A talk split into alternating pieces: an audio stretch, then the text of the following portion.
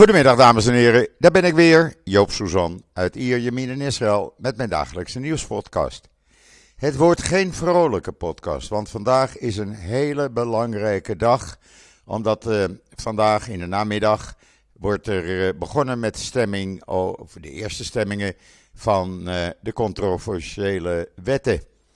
Maar laten we het eerst maar eens even over het weer hebben. Maar dat is gewoon heerlijk, 22 graden, blauwe lucht, zon. Uh, een zwak briesje. Uh, beter kunnen we eigenlijk niet hebben in februari. Nog steeds winter officieel.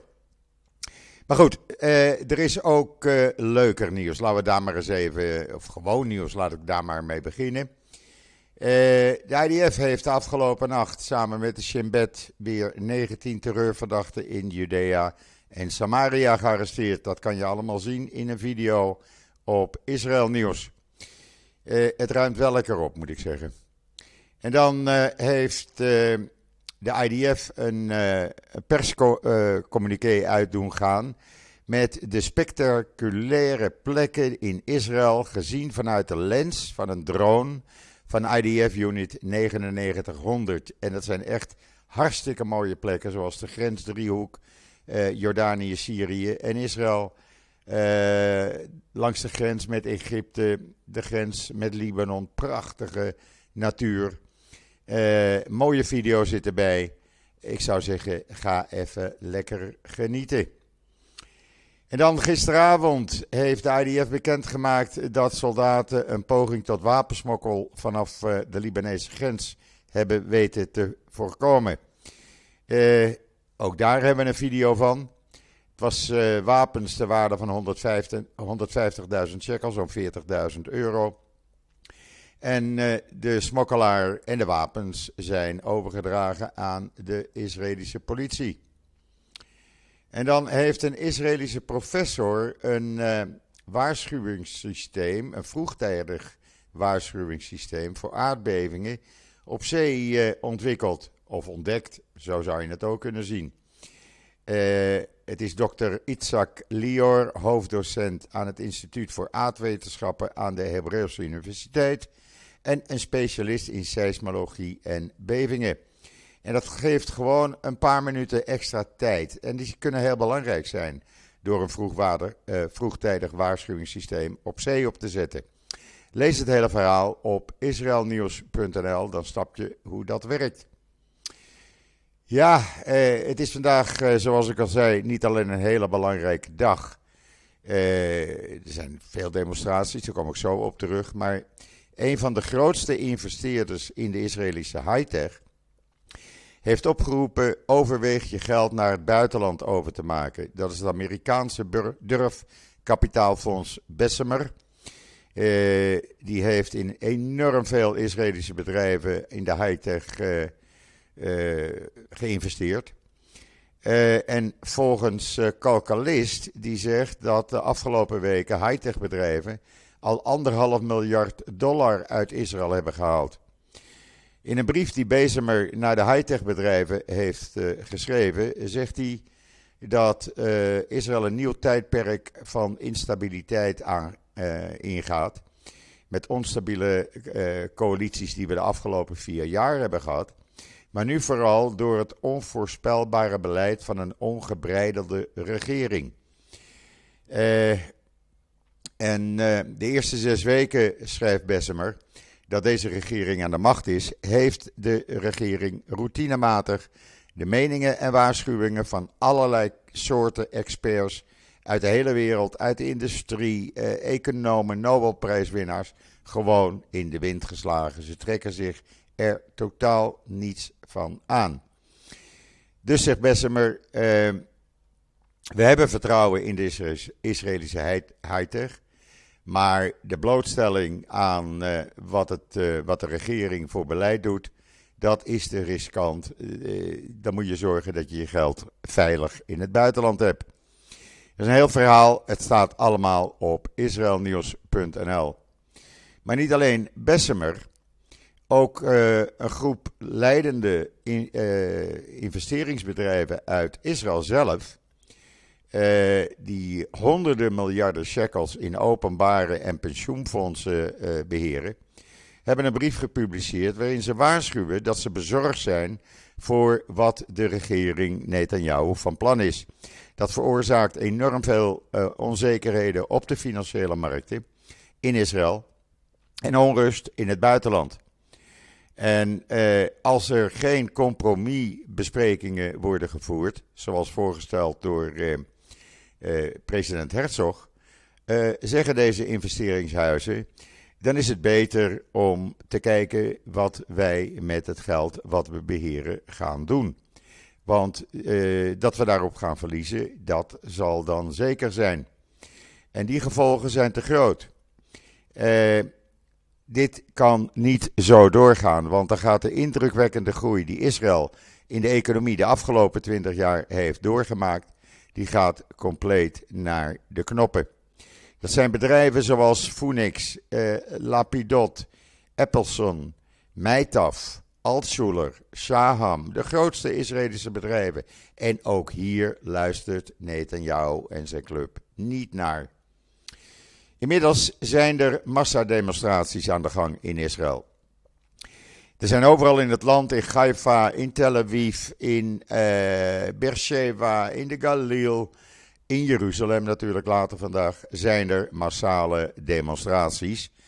Uh, want vandaag is uitgeroepen tot een dag van nationale strijd. Uh, er worden wegen geblokkeerd. De weg naar Jeruzalem vanaf Tel Aviv was geblokkeerd vanmorgen tijdens de spits. En vanaf 8 uur vinden er al demonstraties plaats. Eh, eerst tussen marsen tussen, met ouders en kinderen van scholen. Eh, dan is er een, eh, om 10 uur was er een, eh, een uur staking van de scholen. Academische instellingen, eh, de high-tech industrie heeft gestaakt. Eh, om 2 uur verwacht men weer honderdduizenden mensen in Jeruzalem. Want vanaf 3 uur wordt er gestemd. En dat zijn niet zomaar stemmen. Eh, niet zomaar een stemming. Het zijn twee wetsvoorstellen die deel uitmaken van het plan van de regering om het gerechtelijk apparaat te verzwakken. De eerste is het amendement op de basiswet, eh, wat in stemming wordt gebracht. En dat gaat over het wijzigen van de samenstelling van de gerechtelijke benoemingscommissie op een manier die de regering er daarna controle over geeft. En dus kan zorgen altijd voor een meerderheid vanuit de Knesset.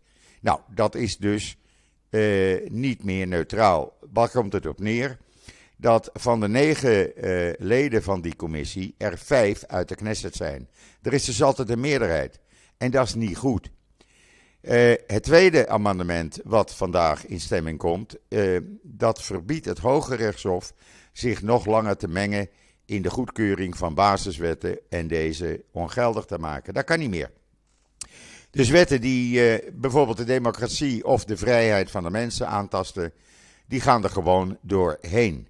Nou, dat kan natuurlijk niet. Uh, we gaan er geen dictatuur van maken. En daar is Netanyahu en zijn club gewoon mee bezig. Ik kan het niet anders zeggen. Ik begin me er echt ernstig zorgen over te maken hoe dit gaat. De Likud heeft gezegd: we hebben geen enkele behoefte aan overleg of wat dan ook. De extreemrechtse partijen geven Lapid en de andere oppositiepartijen de schuld ervan. Zij willen niet onderhandelen, zij willen niet in overleg, zij willen niet ingaan op uh, uh, het verzoek van uh, president Herzog om bij elkaar te komen om te kijken of er een compromis haalbaar is, waarvan Herzog zegt dat dat binnen enkele dagen rond zou kunnen zijn. Niets van dit al. Men gaat gewoon door roeien en ruiten. Men gaat gewoon door. Eh, wat er ook mee speelt, is eh, het doel om eh, meneer Derry van de Chas, u weet wel, de oprichter, de belastingfraudeur, weer terug te brengen in zijn zetel als minister. En later zou hij dan ook onbeperkte macht kunnen krijgen om wetten uit te vaardigen die onder het amendementen op de basiswetten vallen. En het Hooggerechtshof kan zich er dan niet meer mee bemoeien. Ook de wet waarbij Netanyahu uh, uh, zeg maar zijn strafproces wordt gestopt. Uh, die komt in bespreking. Is het niet vandaag, dan is het wel woensdag. Het gaat hier op een dictatuur lijken. En dit kan gewoon niet zo doorgaan. Jossi Verter schreef het in uh, Haaretz vandaag. En Jossi Verter acht ik uh, zeer hoog als uh, commentator. Een oude rotte in het vak, laat ik het zo maar zeggen. En Jossi Verter zegt: Netanyahu gedraagt zich als Poetin op de vooravond van de oorlog in Oekraïne en trekt zijn wenkbrauwen op in zijn eigen partij. Hij liegt in koele bloeden tegenover Macron, tegen de Amerikaans, tegenover de Amerikaanse president Biden. En het bewijs van de aanval op de Israëlische democratie is voor iedereen zichtbaar. Nou, dat is vandaag ook zichtbaar. Want wat doet Netanyahu? En hij legt dat gewoon heel duidelijk uit. Eh, Netanyahu liegt. Hij liegt tegen elke leider die hem belt en eh, die eh, hem advies geeft. Hij liegt tegenover eh, Nobelprijswinnaars en economen, de top-economen van de wereld. Poetin deed dat aan de vooravond van Oekraïne, oorlog en Netanyahu, zegt Josip Verter, is dronken van de macht en wordt gevoed door vijandigheid en wraak jegens het rechtssysteem. Hij heeft die wraak, want hij zit in een diep strafproces en hij weet dat hij veroordeeld wordt. Hij heeft tot nu toe de waarschuwingen en smeekbeden van alle mogelijke economen, juristen, veiligheidsexperts, medische experts, high-tech ondernemers, bankiers, bedrijfs-CEO's, het wereldjodendom, rabbijnen en zelfs mensen uit zijn eigen partij. Eh, die, daar trekt hij zich niets van aan. Die eh, slaat hij in de wind. Hij liegt tegen Macron, hij liegt tegen Biden, zegt Jossi Verter. En hooggeplaatste leden van de Likud-partij die hij gesproken heeft, spreken nog niet over hem als de Israëlische Poetin, maar ze vragen hem wel af wat de man bezielt op dit moment. Waarom negeert hij alle waarschuwingslichten eh, en gaat vechten met de hele wereld, inclusief zijn eigen mensen? Eh, moet je dan Amerika tegen je in het harnas jagen? Amerika, wat jaarlijks, acht, wat per tien jaar 38 miljard aan defensiehulp geeft in Israël. Moet je dat stoppen? Is dat het allemaal waard om uit de gevangenis te blijven en je land eh, naar de, naar de, nou ja, lekker maar plat zeggen, naar de kloten te helpen? Dit kan gewoon niet. Eh, ja, je zou kunnen zeggen, hij handelt irrationeel. Eh, want het wetsvoorstel eh, dat juridische ambtenaren verbiedt een premier arbeidsongeschikt te verklaren. Dat is eventjes gisteren door een van zijn loopjongens, meneer Ophir Katz, aan de Knesset voorgelegd. En het is een extra bewijs, zegt Jossi Verster, dat Netanyahu de weg totaal kwijt is. Want als deze wet wordt aangenomen, dan kan hij gewoon blijven zitten en kan de procureur-generaal gillen wat hij wil. Maar Netanyahu wordt niet arbeidsongeschikt verklaard. Dat zijn gevaarlijke ontwikkelingen.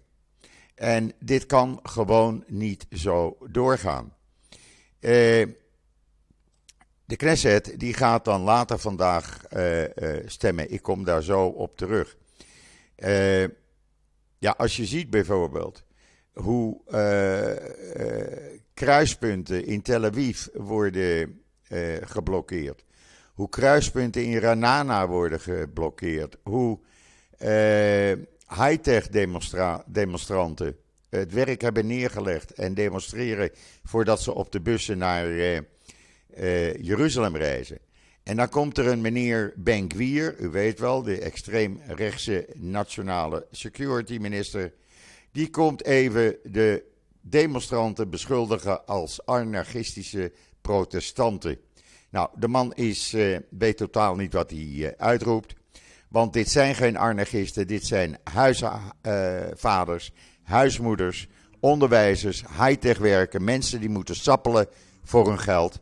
En die worden een beetje uitgemaakt als anarchisten. Dan ben ik zeker ook een anarchist als ik hier op zaterdagavond sta te demonstreren. Nee, dat ben ik niet. Ik vecht voor mijn land. Ik vecht voor de vrijheid. Ik vecht voor de democratie. En ik wil niet dat een stelletje uh, mafiosi, laat ik het maar zo zeggen, dit land als eigendom beschouwen en maar doen wat ze willen. Uh, dit kan gewoon niet zo doorgaan. Als je de foto's ziet, wat er hier gaande is, dan ja, uh, dan begrijp je dat het land echt aan, de, aan de rand van een afgrond staat. Neem nou de voormalige Mossad-chef Pardo. Een van de beste spionnen die Israël heeft gehad. Door Netanyahu zelf benoemd als chef van de Mossad.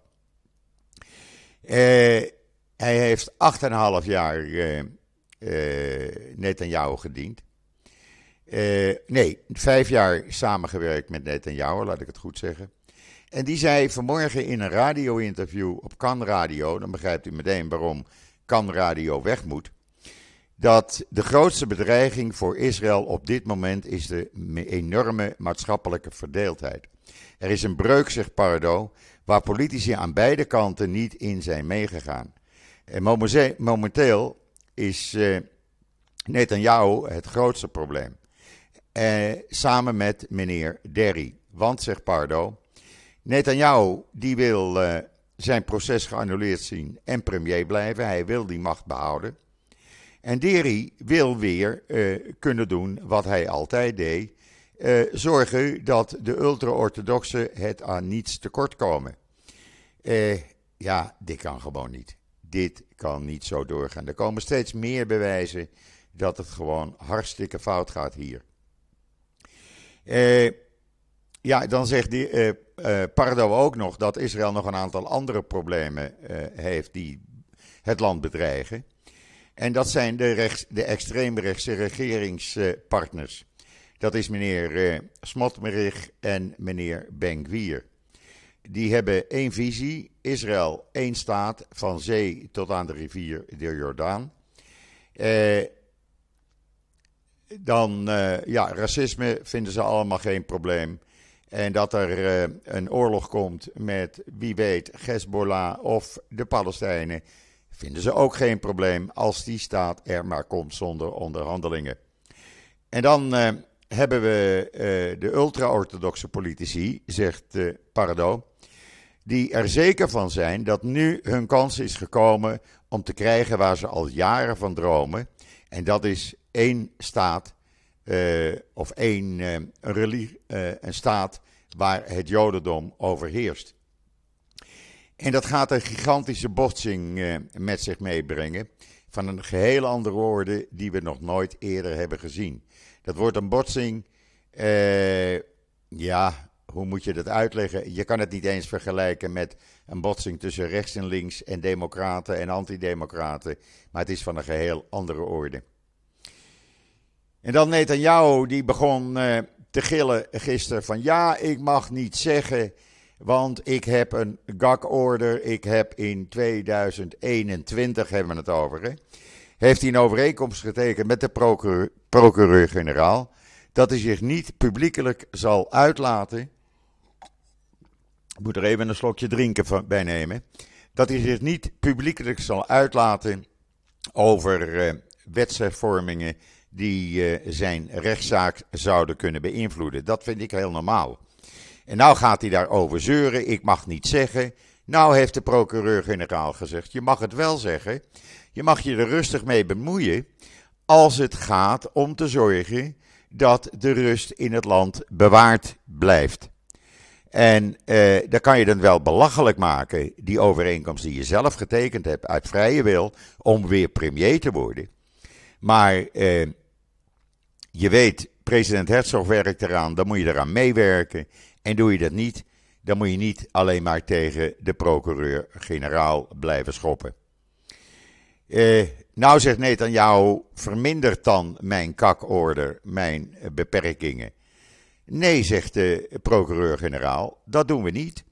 Eh, voorlopig heb jij die overeenkomst bijna drie jaar geleden getekend. Je wou weer zo graag premier blijven. Dan moet je daaraan houden. Wij houden ons eraan, jij moet je er ook aan houden. Ja, eh, dan gaat hij eh, een beetje als eh, klein eh, kind eh, zich gedragen, maar dat kan natuurlijk niet. We zitten hier in een, eh, ja, in een situatie, nou, hoe moet ik het uitleggen? Waarin de spanningen voelbaar worden, waarin de spanningen zichtbaar worden. en die die uh, wetten die dan vanaf een uur of drie in stemming worden gebracht. En waar niemand van de regeringscoalitie bereid is om ook maar enigszins water bij de wijn te doen, ja, die zijn gewoon slecht voor het land.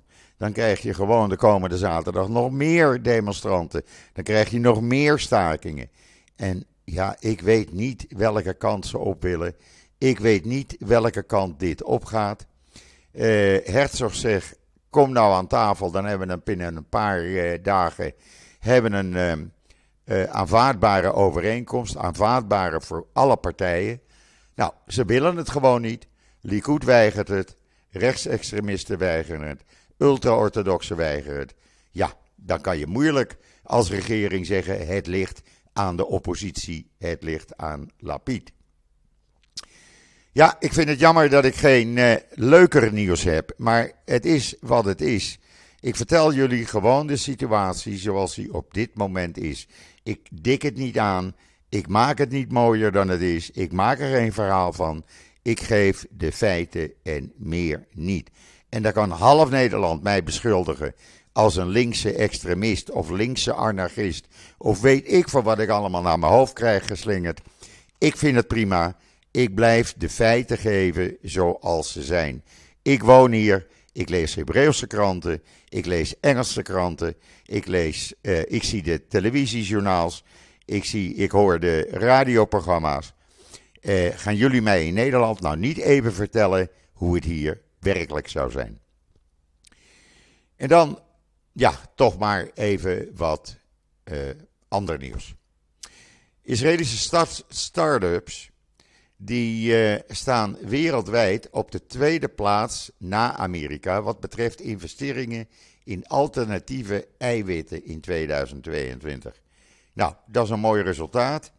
Er is voor 454 miljoen dollar uh, geïnvesteerd in alternatieve eiwitten. En dat is een segment van de Israëlische voedingstechnologie uh, die vorig jaar goed was voor 15% van het wereldwijde kapitaal dat wereldwijd voor deze sector wordt opgehaald. En uh, dus net naar, uh, op de tweede plaats na Amerika. Hoe mooi is dat? En dan heeft uh, de Palestijnen gisteravond op het laatste moment gezegd ermee in te stemmen om ehm, die VN-resolutie vandaag niet door te gaan. Nu Israël bereid zou zijn het nederzettingenpakket stop te zetten. Nou, of dat gaat gebeuren, ga er maar niet vanuit. Uh, Netanyahu zegt A en doet B. Want Netanyahu heeft gewoon niets meer te zeggen op die Westbank. Dat hebben Smotrich en dat hebben Benkwier. Smotrich is met alle geweld een soort minister van Defensie voor de Westbank. Uh, en Benkwier is bezig een nationale garde voor de Westbank op te richten. Nou, dan weet je wel hoe het gaat met deze twee extremisten. Dus we zijn hier nog niet vanaf. Ja, en er is er gisteren eh, een eerste stap gezet om een stukje van onze vrijheid af te pikken. Uh, iedereen was altijd tegen een gametswet. Een wet die uh, juridisch bepaalt dat het verboden is gezuurd brood en voor tijdens Pesach verboden goederen uh, ziekenhuizen en bejaardentehuizen in te brengen. Nou, onder druk van uh, de ultra-orthodoxe partijen is gisteren de eerste stap gezet in de Knesset om deze wet te gaan goedkeuren. Dat betekent dat niet-Joden worden verplicht geen brood of andere tijdens Pesach verboden artikelen meer te eten als je in een ziekenhuis ligt. Alsof je voor je lol in een ziekenhuis ligt. Dat mag niet meer, dat is eh, verboden binnenkort. Daarnaast worden de, de invloed van de rabbijnse rechtbanken, die worden uitgebreid. Die krijgen meer jurisdictie. Nou, daar zijn we natuurlijk helemaal niet blij voor, want die gaan mij niet bepalen hoe ik wel als Jood moet leven. Dat bepaal ik zelf wel. En zo zie je, dan wordt er ongemerkt wordt er een stapje van je vrijheid afgepikt. Ik hoop dat deze wet er niet doorkomt. Want ja, als ik in een ziekenhuis lig en ik wil acht dagen brood eten, of ik wil chips eten, omdat ik er toch al zo beroerd aan toe ben, of niets meer te verliezen heb, dan moet dat kunnen. En dan moeten niet een paar rabbijnen mij gaan voorschrijven, als Jood, als moslim, als christen, als niet-gelovige, hoe ik wel en niet moet leven in een ziekenhuis. Heel simpel. Het is al die jaren goed gegaan. Waarom zou het dan nu ook niet goed gaan? Laten ze zich eens drukker maken over wat anders. Want wat is gisteren gebleken namelijk uit een rapport? Daar blijkt dat 62%, van, 62 van de Israëlische gezinnen moeite heeft om hun maandelijkse hypotheekbetalingen te betalen. En 49% van de jonge stellen kunnen geen appartement kopen. Laten ze zich daar eens druk over maken. In plaats van zich druk te maken alleen maar voor eigen belang, die ultra-orthodoxen. Laten die rechtsextremisten en Netanyahu zich hier eens druk over maken. In plaats van te proberen hoe kan ik koet aan de macht blijven en niet de gevangenis indraaien. En hoe kan ik als rechtsextremist zorgen dat we één groot Israël krijgen. Wat tegen de wens van de hele wereld is. En tegen de meerderheid van de bevolking ingaat. Dit zijn slechte cijfers, mensen. Eh, 78, ruim 78 procent van alle jonge uh, stellen. Als ze al een huis willen kopen, kan dat alleen maar met behulp van hun ouders of andere familieleden. Uh, en daarna, als ze dan een huis hebben weten te kopen, kan 31% van de jonge stellen minder uitgeven aan maandelijkse voeding, eh, supermarktproducten en noem maar op. Uitgaan is er dan helemaal niet meer bij. Dat is de situatie in Israël. Maar daar hoor je niemand over. Je hoort alleen meneer Benkwier brullen van de Tempelberg is van ons. Nou, hij kan dat hard brullen. Maar uit veiligheidsoogpunt gaat de laatste tien dagen, zoals gebruikelijk, uh, tijdens de heilige maand Ramadan, gaan de laatste tien dagen, wordt de Tempelberg gesloten voor Joden. Waarom moet je per se rellen uitlokken als je het ook tien dagen even zonder kan doen? Tien dagen, daar kom je nog wel doorheen als je de rest van het jaar gewoon de Tempelberg opkomt. Het is alleen maar in het, eigen, in het belang van de bevolking. En dan was er gisteren een Joodse vrouw. En ik heb daar enorm veel bewondering op. Je kan dat lezen in uh, de Engelstalige Buinet. De moeder van Noah Lazar ging op bezoek bij de verleden vermoorde Bedouin grenspolitieagent Asil Sawat. Eh, want die zijn beide zes maanden na elkaar op dezelfde plek vermoord. Noah Lazar zat uh, in het leger. En die werd uh, vermoord bij, uh, in oktober bij een terreuraanslag in Jeruzalem. Op dezelfde plek waar Aseel Sawat verleden week werd vermoord. En de moeder, uh, Karin Lazar, die ging gisteren op bezoek buiten, bij de ouders van Asiel. in het Bedouinendorp Housnia, in het noorden van Israël. En ze ging de ouders troosten. Ze kwam bij ze en ze zat samen in rouw met die twee ouders. Hoe mooi is dat? Dit zijn voorbeelden van hoe het werkelijk is in Israël. Dit zijn niet politici. Dit zijn mensen van vlees en bloed. Mensen die gevoel voor elkaar hebben en niet aan zichzelf denken. Niet zoals die politici alleen maar aan eigen belang denken. En dit vind ik een enorm mooi gebaar. Ga dat artikel even lezen. En uh, ja, je mag een traantje weghalen. Uh, en dan zijn sinds begin van de oorlog 15.000 Oekraïners naar Israël gekomen en hebben Aliyah gemaakt. Ook dat is een mooi bericht, maar, ik zeg er maar bij, uh, er zijn ook veel mensen uit Oekraïne gekomen naar Israël die niet Joods waren. En die hebben het moeilijk. Die worden gewoon in de steek gelaten als er geen organisaties zijn die ze helpen. Want ja, de regering heeft het te druk met eigen belang. Dat vind ik een schandaal. Ja, sorry. Ik had jullie gezegd aan het begin: dit wordt geen vrolijke eh, podcast. Want er hebben de marine, de Israëlische marine, die het alarmniveau in de Rode Zee heeft verhoogd. Want ze zijn doodsbang dat de Iraanse agressie zal toenemen en uh, zal leiden tot echte gevechten. Ook dat speelt in Israël op dit moment. En dan heeft de politie een man gearresteerd in Lot.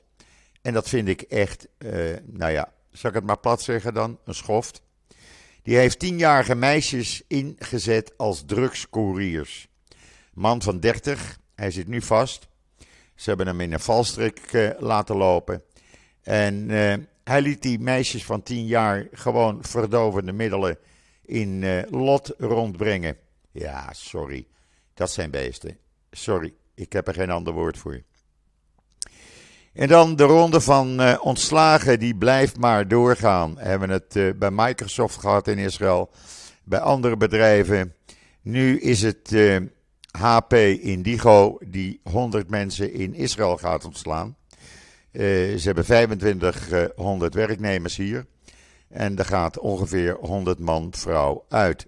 En daar zal het niet bij blijven, want ik ben bang als deze situatie, zoals die nu in Israël is, doorgaat, dan zullen er meer eh, ontslagen volgen. Wat mij opviel vanmorgen. Ik eh, was vanmorgen even vroeg naar de supermarkt om eh, mijn eh, boodschappen even te doen voor de rest van de week.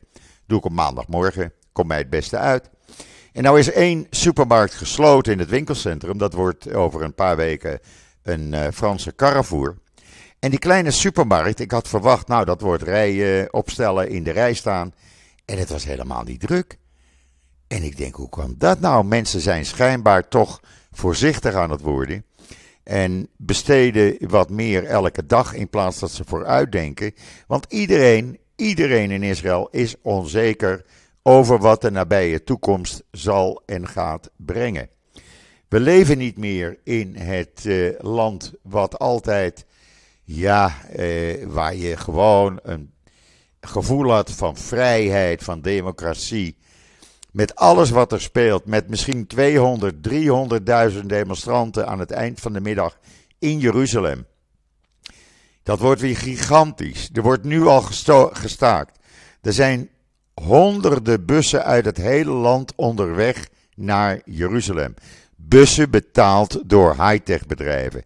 Nee, mensen worden niet gedwongen van bedrijven, zoals ik vanmorgen op Facebook als vraag kreeg.